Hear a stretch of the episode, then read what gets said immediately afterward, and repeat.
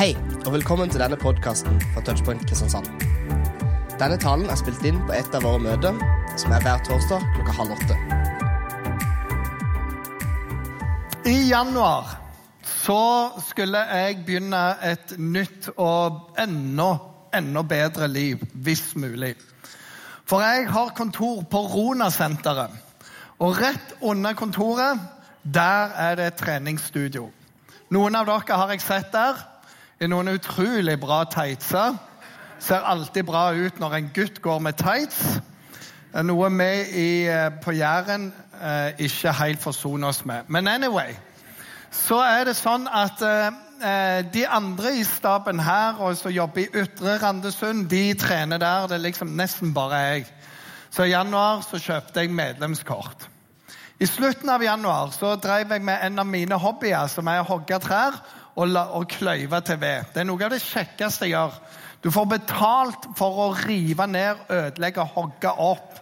Det er bare helt fantastisk. Og furu er det aller beste, for det lukter så utrolig godt av furu. Så mens jeg holdt på med dette, så, så hogde jeg, og så kommer en stubbe bare rett her. Og så gjør den sånn at jeg får vann i kneet. Det vokser blir dobbelt så stort. Ja, Da hadde jeg trent i to uker. Neste måned kunne jeg ikke trene, for jeg gikk jo sånn som dette her. Og så gikk dette over, men da kom vinterferien. Da var jeg oppe i Hemsedal og et par andre plasser oppe i dalene der. Gikk på ski, så jeg fikk ikke trent da heller. Når jeg kom hjem igjen, så fikk jeg det som heter helvetesild. Og Det er altså vannkopper for voksne. Det er kun folk som har hatt vannkopper, som kan få det. Og Det setter seg noen klumper bak her, og noe litt sånn, og det er forferdelig vondt. Det er en grunn til det heter helvetesvill. Så i den siste måneden så har jeg gått mer eller mindre sånn hele tida. Så fra januar til nå, er snart i mai, så har det vært fire treninger på treningsstudio. Og nå tror jeg at jeg kommer til å avslutte det der eh, abonnementet der.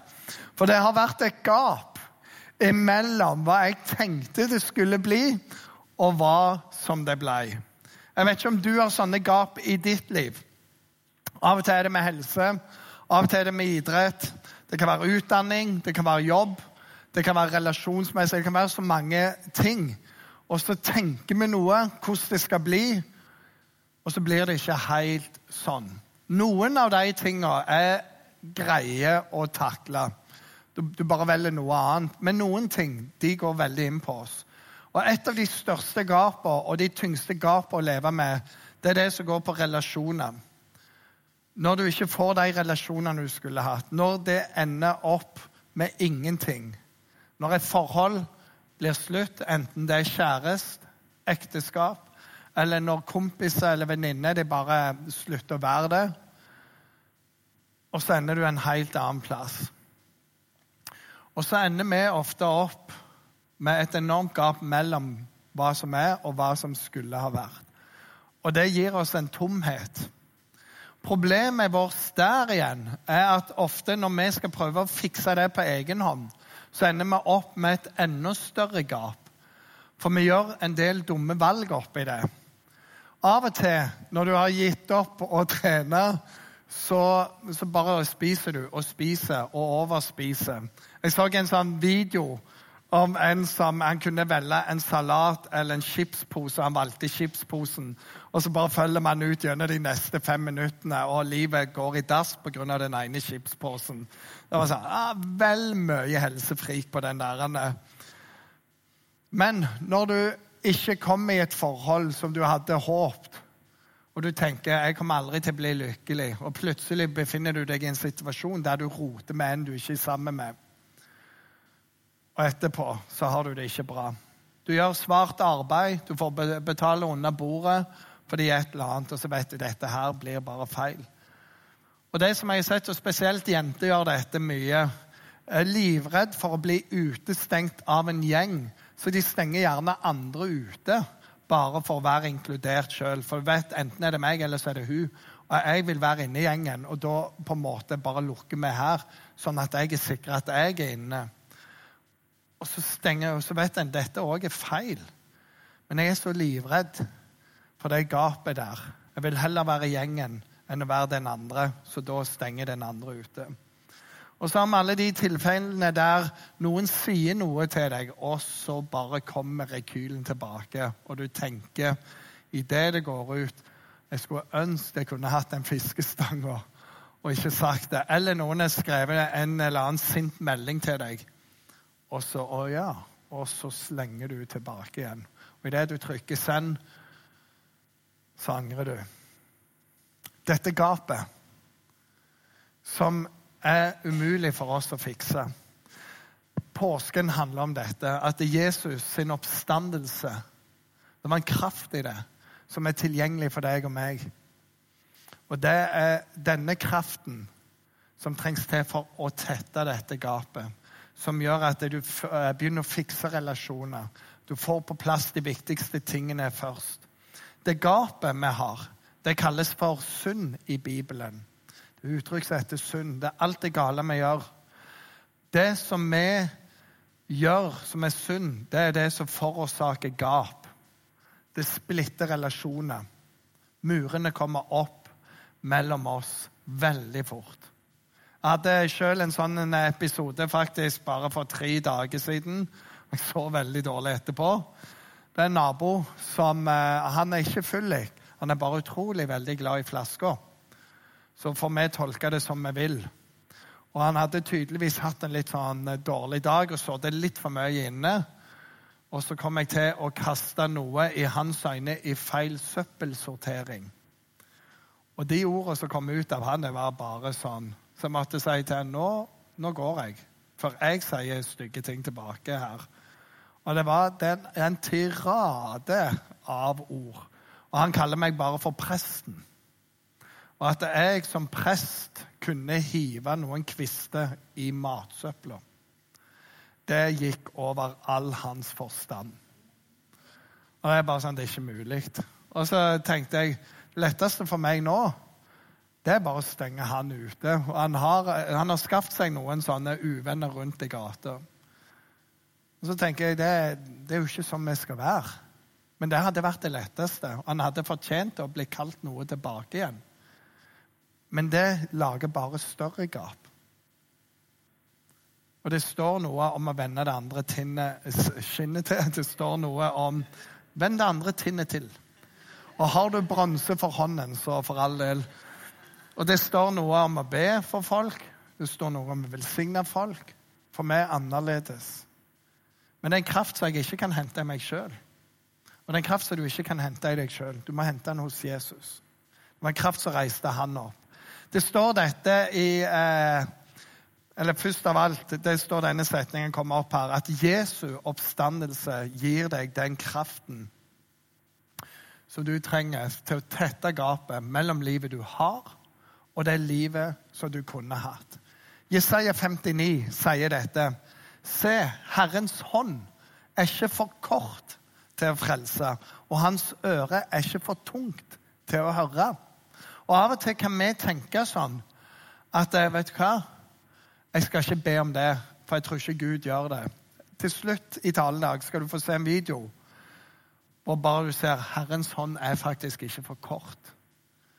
Og hans øre er ikke for tungt til å høre. Og så står det nei, det er skylden som vi har, som skiller oss fra Gud. Og det er syndene våre som gjør at hans ansikt er skjult. Det er det vi har gjort. Men hans hånd er ikke for kort. Hans øre er ikke for sløvt. Vi bærer det.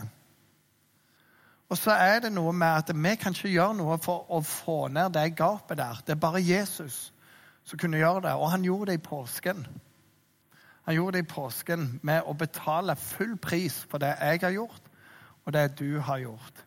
Og av og til så må bare tenke hvor mange stygge tanker klarer du å tenke på en dag? Jeg klarer ganske mange. Jeg er ganske flink til det. Øvd meg i mange år. Og det er sånn når jeg står der med bosset og egentlig har fått beskjed av andre du bare hiver det oppi der for at det skal sånn og sånn, og det går veldig bra. Og han kommer med den tiraden. Så er det et par stygge tanker som former seg inni meg. Jobben min er at det ikke kommer ut der. Hvor mange ting har jeg sett på og har lyst til å se på som gjør at det der er ikke bra i det hele tatt? Men så er gapet der. Og påsken handler om at Jesus tar vekk gapet. Og i påsken så er det tre spesielle dager. Og det var en, som, eh, en pastor som tenkte veldig på hva er det med fredag, som er lidelsens dag, lørdag, som er dødens dag, og søndag, som er oppstandelsens dag. Hva er det med de tre som er så spesielle, som vi òg kan lære noe av og lære, virkelig være i? Og her er det han sier. Han sier det at det fredag det er vår dag i smerte. Det er den perioden i livet når det bare smerter. Det gjør så utrolig vondt i våre liv. I Jesaja 53 så står det en profeti om hva Jesus skulle lide. og Det står sånn som dette. Han var forakta, forlatt av mennesket, en mann av smerte, kjent med sykdom, en de skjuler ansiktet for. Det betyr åh, det er så stygt å se på. Det er så grusomt. Det er litt sånn når du har helvetesild, og det bare åpner sår overalt. Så, hei, så bare, vil ikke se på det engang. Han var forakta, og vi regner han for ingenting. Jesus hadde ikke gjort en eneste gal ting, og likevel ble han korsfesta. Har du noen gang opplevd at du har ikke gjort noe galt, men det er du som får skylden? Det blir din feil. Livet mitt har vært sånn. Hele skolegangen så var det sånn. Et eller annet forsvant. Trå Gjelling, hvor er det? Jeg aner ikke. Ja, du har sikkert tatt det. Jeg har ikke tatt noen ting. Jeg går i Misjonskirka på Bryne. Kom igjen. Og så finner de det. Så ser du det var ikke meg. Så jeg, jeg fikk alltid høre det. Ja, det kunne vært deg. Hver en, altså, Hvor er beviset? Jeg har ikke gjort noe. Jeg kunne vært deg. Kan ha noe med at jeg likte å tøyse med folk. F.eks. når vi satt på biblioteket, at jeg alltid putta oppi en bok til dem, sånn at det peip i det de gikk ut. Kan ha noe med det å gjøre. Men jeg fikk alltid skylda for alle ting som gikk galt. Hva er dette for noe? Sant? Og så er Noen ganger så er det mye verre. Når du bare virkelig får skylda, og du sa Hei, det har ingenting med meg å gjøre. Men denne fredagssmerten Av og til er det fysisk, noen ganger er det psykisk, emosjonelt. Og det kan være en veldig relasjonell smerte. Dette gikk ikke bra. Det er gjort masse studier på det å være kristen og student. Og For mange er det helt pyton, og mange skjuler sin tro. Fordi du vil ikke bli mobba. Du vil ikke bli utestengt. 'Å ja, du er kristen. Du er ikke med.' Og Jeg skrev et brev hun sa 'Jeg drikker ikke.' Og jeg roter ikke rundt med folk. Og det betyr at jeg er venneløs der jeg er. Det var hennes fire år med studiet. Og hun sa jeg gråter hver dag til skolen, jeg gråter hver dag hjem, og jeg gråter meg i søvn. Jeg får ingen venner fordi jeg er en kristen. Og hvis jeg sier noe, så får jeg en tirade imot. Og jeg skal stå til ansvar for alt andre har sagt og gjort og meint. Det er en smerte. Og så er det noe i den smerten der som er sånn Du kan ikke late som om man ikke er der. Det vil ikke helbrede deg. Av og til jeg bare ignorerer det. Og her på Sørlandet er det veldig sånn ja, Vi bare prater ikke om det der. Nei, nei, nei det, det, går, det går helt greit. Og så tar de en haug med piller, så går det veldig, veldig greit. Så tar de litt mer piller. Vi er på pilletoppen i Norge bare slått av Arendal. Nydelig. Men veien til frihet er jo ikke å late som om det ikke er der, for det er der uansett. Men veien til frihet er å komme til Jesus med det. Gråte for han, be til han, søke fellesskap med andre troende. Det skjer noe. Det står dette i 1. Peter 5,7, et vers som er nydelig. Så kast all deres bekymring på han, for han har omsorg for dere. Og det skal du fortsette med å gjøre. Du skal fortsette å kaste smerten på Jesus. Virkelig. Finn noen å snakke med og be med. Vi har Hvert eneste møte så har vi forbedere fordi vi bærer med oss smerte i livet. Og det å få si det til noen, at noen kan be med oss og bare være der, det gjør noe med den lasten der som er fredagen. er en smertens dag. Lørdagen, det er forvirringens dag. Det er den dagen det er dødt. Det er ingenting igjen. Det tok slutt. Alle håp, alle ting. Hvis du tenker på Jesus, så hadde de et håp om han skulle være verdens frelser. Han skulle være den som fridde folk ut fra Romerriket. Han skulle være Guds Messias. Han skulle være den som alle skriftene var. Bom! Der er han nagla på et kors og inn i ei grav. Det var det uh, håpet. Ingen så den komme. Det var sånn, øh, Hva gjør vi nå? Alt er knust. Hjertet er knust. Håpet ditt er knust. Og du vet ikke hva du skal gjøre, for det er bare dødt nå. Og noen av dere vet nøyaktig hva det er. Og det kan være du får ikke en jobb. Du søker jobb, men du er alltid innstilt ikke som nummer én. Og det er et fett om du er nummer to. Du får jo ikke jobben. Det er litt sånn som når du prøver å få en kjæreste, og så sier de alltid nei, og så sier de etterpå Men det er sånn, hadde jeg ikke hatt den kjæresten her, så hadde jeg valgt deg. Hva hjelper det? det er liksom den på trynet, og alle sier det. Odd Inge, som mange av dere kjenner, han fikk høre det alltid før han fikk dame. At Inge, det er den beste jeg vet om. Du er så flink, og du er sånn handyman. Hadde jeg ikke vært gift Og det er bare sånn Get real! Men det, problemet for han det var at alle damene var over 40, og han var bare 20. Men nå er han endelig der, så det er jo veldig bra. Men når du er der og så er det mange ting. Når du mister jobben, da Du hadde tenkt dette er karrieren min.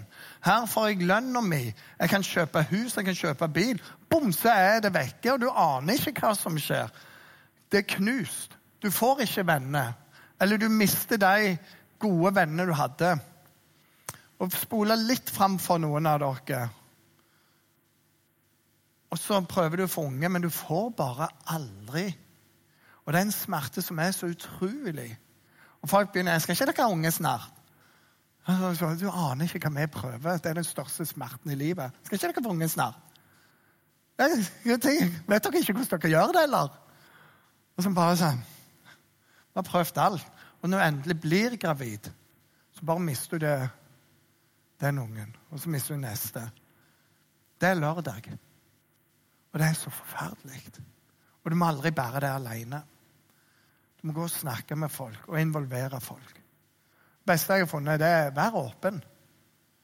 Vær åpen om ting. La de andre få vite, for da får de lov å bry seg, og de slutter å stille sånne forferdelige spørsmål. Katrine og meg, vi klarte det. Men vi prøvde en stund. Lenge nok til å lure på er det hun eller er det meg. Og akkurat før vi vurderte å gjøre alle de tingene vi må gjøre, og så plutselig så skjedde det. Så var sånn Flaks.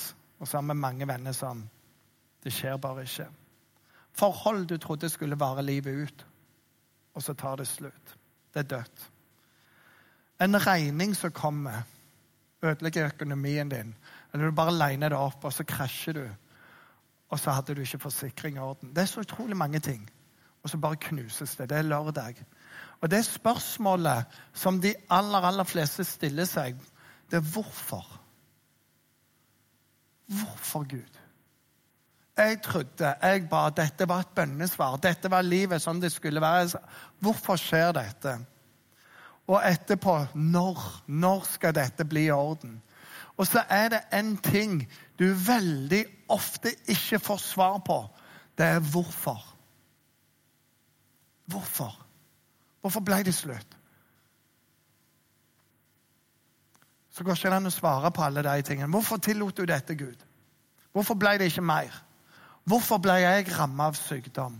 Hvorfor alle de drømmene er bare knust, herrene? Hvorfor? Du får kanskje ikke svar på det, men du kan stole på Gud. Og Her er det en setning. Av og til så er hvorfor fordi du ikke er klar for når. Fordi Gud vil gjøre noe i livet ditt først. Og så kommer den velsignelsen som skal være der. Og Den setningen som kommer opp her Noen ganger er det sånn at Gud ønsker å gjøre i deg Vi ønsker i deg mens du venter. Det er viktigere enn det Gud ønsker å gjøre for deg.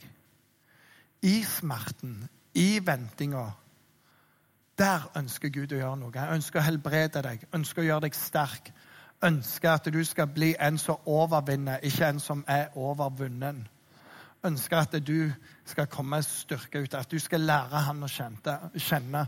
Ønsker at du skal ta de stegene. Og det vi trenger å lære å stille, det er et annet spørsmål. Det er ikke hvorfor, men det er hva nå, Gud? Hva har du i denne sesongen? Hva vil du lære? Hva skal jeg ta med meg videre? Sånn at jeg kan være en velsignelse der jeg kommer. Sånn at jeg kan være et bønnesvar der jeg kommer. Og så snur du det rundt. Jeg har møtt mange mennesker som har vært i en utrolig smerte. Mista ektefellen. Bare sånn. Våkne neste morgen, det gjorde ikke ektefellen. Det er en smerte. Men så evner å stille om. Og så har vi fått sett en, en sunn sorg og en sunn helbredelse. Og i dette hvorfor eh, Rick Warren, noen av dere vet hvem han er. Eh, Målretta livet han skrev blant annet, han sier det er to ting du trenger å vite om kvinnen. Bare disse to tingene. Problemet er at ingen vet hva det er. Sjøl ikke kvinner. Men det er bare de to tingene. Og vi tenker veldig fort Hvis bare Hvis bare så hadde jeg blitt lykkelig. Mm -mm. Det er i sesongen du er i nå. Du må lære noen andre ting. La oss gå videre fra lørdag, for vi kommer til en søndag. Og søndagen er dagen for kraft og styrke i livet ditt. Du har prøvd å klare det alene, men du lærer å stole på Gud. Og Det å være en kristen det handler ikke bare jeg har en tro, men det handler om å være plugga inn. Leve med Jesus, be til Jesus, lese i Bibelen, være i fellesskap. Vær såpass mye at det begynner å være i tankene dine at Gud er en realitet i livet ditt. Ikke bare en sånn en eller annen tro, men det er et liv der. Og det er i søndagen. Det står dette eh, i Johannes 11. Jesus sier til ei dame jeg er oppstandelsen og livet. Den som tror på meg, skal leve om han sjøl dør. Og hver den som tror på meg, skal aldri i evighet dø. Tror du på det? Jesus bare Tror du dette? For det starter med å tro på han og la han få lov å komme inn. Og mitt håp for deg i kveld det er at du skal komme deg fra fredag og lørdag over i søndag. For vi er etter påske nå. Og det som skjer i utrolig mange kirker verden over, det er når påske er over, så første møte etterpå, så stiller en seg fram. Og så sier bare 'Jesus lever', og så bare responderer hele salen. Ja, han er i sannhet oppstanden. Og så er det bare en sånn bow, det er power. Og vi går gjennom det, men det kommer en oppstandelse etter det. Vi skal se en video som er henta fra Eaglebrook Church. Det er en menighet som flere av oss her har vært i, noen av oss mange ganger. Denne historien er hentet fra menigheten, fra et par som går der. Neste gang vi er over, så har jeg tenkt å prøve å finne dem. Vi har sett mange sånne videoer, og vi kjenner utrolig mange av disse folkene. Og det som kommer, det er dokumentert i legejournaler, i alt i sammen. Så det er ikke fake. ok? Still in your ears on English, and we go here.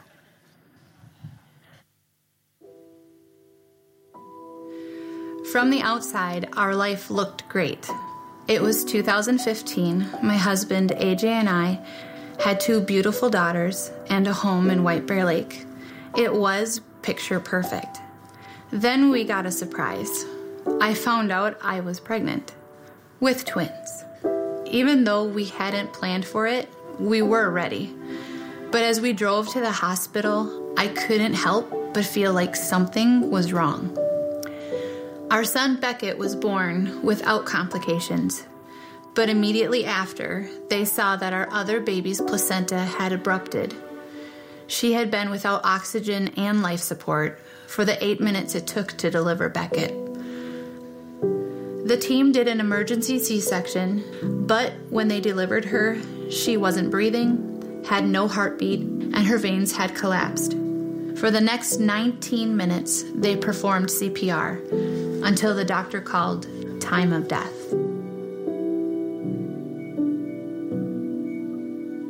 Rachel was in recovery when they told me it was time to say goodbye. As I walked into the room, I saw a gray, lifeless body on the table. My mother in law, who was with me, told me that my baby needed to hear her father's voice. I don't know where it came from. I put my hands on my daughter, and then I said, In the name of Jesus, breathe. She gasped for air, almost like she was coming up out of water. She shot back to life right in front of us. Everyone in that room saw it happen. She was alive, but they didn't expect her to live, at least not without severe brain damage or organ failure or something else wrong. But every test they did failed to show anything wrong. After only two weeks in the NICU, our daughter Presley came home with us, weighing only three pounds. God saved her. She was a miracle. When Presley came back from the dead, it was a miracle in our family. Um, but it wasn't the only miracle. God was just beginning to show us his ability to raise the dead. When the twins were born, we had been married for 14, going on 15 years. And I can honestly say I had never lived my life like a married man. I was a man without a center. I didn't have a place from which I made decisions. Wherever I was, that's who I was. Alcohol would make me act like this. Spirituality would make me act like that. Pornography was a part of my life. I had multiple times been unfaithful to my wife. I was living a lie. Our marriage came to a breaking point after the twins were born and after we had this great miracle. It was a year and a half later, and I had found out that while I was pregnant with the twins, um, AJ had again been unfaithful. So I was sitting in a space in my marriage where I didn't understand why it was this way and when or will it change. And I didn't know what to do. So after everything came out, Rachel took the kids. I laid on my floor and I wept.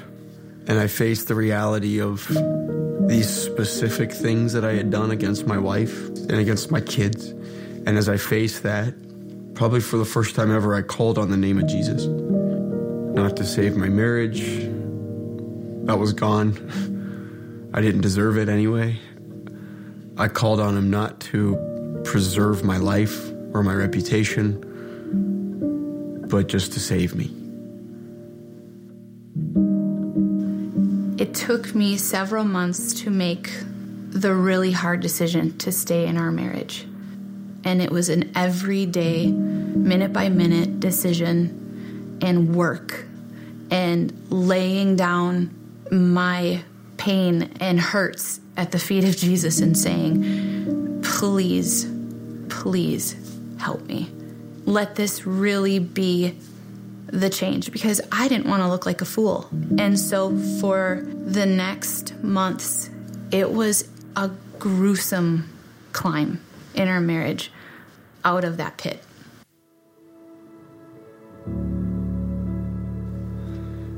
I had given my wife every biblical and logical reason to leave, and she stayed.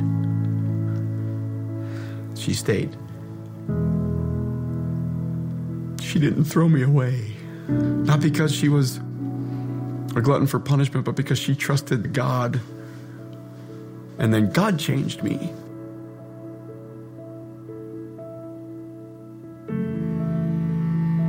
I knew that if we were going to make it, I had to be a different man than I'd ever been. So I made decisions.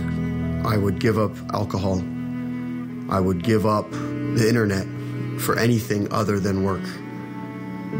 I would let go of relationships that weren't healthy. I would cling to the ones that are healthy. I would be brutally honest with my wife, with my friends. I started going to counseling regularly. I would learn a new way of thinking, learn a new way of being that was dependent on Jesus, that was choosing to be unselfish, choosing to be humble and quiet. Through time and AJ adopting new standards for himself, I've started to like him. Like, I would find myself liking him or laughing at something he said. I'd be like, Stop laughing, Rachel. Remember, you don't like him right now.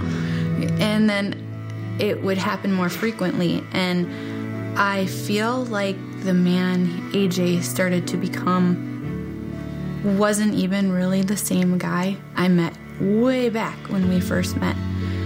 And it's almost like I did get divorced. It was almost like I did get remarried. But it's the same body, but a totally different person. And I'm seeing every day my heart responding to AJ's heart responding to Jesus. And it doesn't make sense to me how that is happening. Because in that moment, when my world crashed on me again, you could have not put a, any picture in front of me of what I would look like today, and I would believe it. I wouldn't have believed it. Without God, the things that I broke stay broken. Without God, I'm divorced and I'm not with my kids and I'm not loving and living with this amazing woman. Without God, I'm lost. Us sitting here is only because God performed another miracle. It's only something God can do. I don't have the ability, but I know that the God who is in me and raised Christ from the dead also decided to raise my daughter from the dead and my marriage from the dead. Only God's power could do that. Ja, en utrolig sterk historie, og en sann historie. Det er sterkt når en død kropp ligger der, og så ber du bare i Jesu navn pust. Så skjer det. Og så er det et dødt ekteskap. Og så kommer det til live. Og så er det en mann som er så ute å kjøre, og så gjør Gud mirakler i hans liv. Og for ei kone som ikke blir skilt, men likevel for en helt ny mann, så er det òg et mirakel. Av og til er vi på en fredag, av og til er vi på en lørdag. Men påskens budskap er at det er en søndag hvor Jesus sto opp, hvor døde ting kom til live. Og det kan det i våre liv òg. Men du må la ham få lov å komme inn. Og så må du la han bli sentrum av livet ditt. Og hente kraften ut derifra. Og begynne å ta gode valg for livet ditt. Du hørte mange av de valgene han tar. Jeg måtte slutte med det, jeg måtte ta det vekk. Jeg måtte ta noen tøffe valg der. Og for hennes del òg, for å helbredes, så var det time for time, dag for dag, minutt for minutt. Nå velger å stå i det. Sånn er det for oss òg av og til. Så du som er på en fredag, kommer en søndag. Du som er på en lørdag, det kom en søndag. Han er oppstanden, og den kraften den lever her og nå. Jeg skal bare be en, en kort bønn. Herre Jesus, jeg takker deg for du ser alle oss her. Jeg takker deg for du kom for alle oss, med vår bagasje, med alle de rare tingene vi får oss til å si, får oss til å gjøre. Og så ser du det som blir sagt mot oss og gjort mot oss òg, som skaper smerte, skaper sår. Og så ser du når det bare det dør foran oss, så vi tenker det, That's it. Jeg er, jeg er ved en vei der det ikke er noe håp. Økonomien, relasjonene, framtidsutsiktene er ikke bra. Herre, kom og vær sentrum. Kom, Herre. Jeg ber om at vi ikke skal gå gjennom livet alene, men at vi skal komme til deg med alle ting, som det står. At vi skal kaste våre bekymringer på deg, for du har omsorg for oss. I Jesu navn så ber jeg dette. Amen. Så vil jeg bare si at etter når dette er ferdig, så har vi en bønnekrok der. Og det går an å få forbønn der. Vi, bærer mye med oss. Men det er mye bedre å la andre bære litt med oss og løfte det opp for Jesus. Så du kan gå under lovsang. Kan være litt vanskelig å høre, men det går an å stanse igjen etterpå. Så Gud velsigne deg.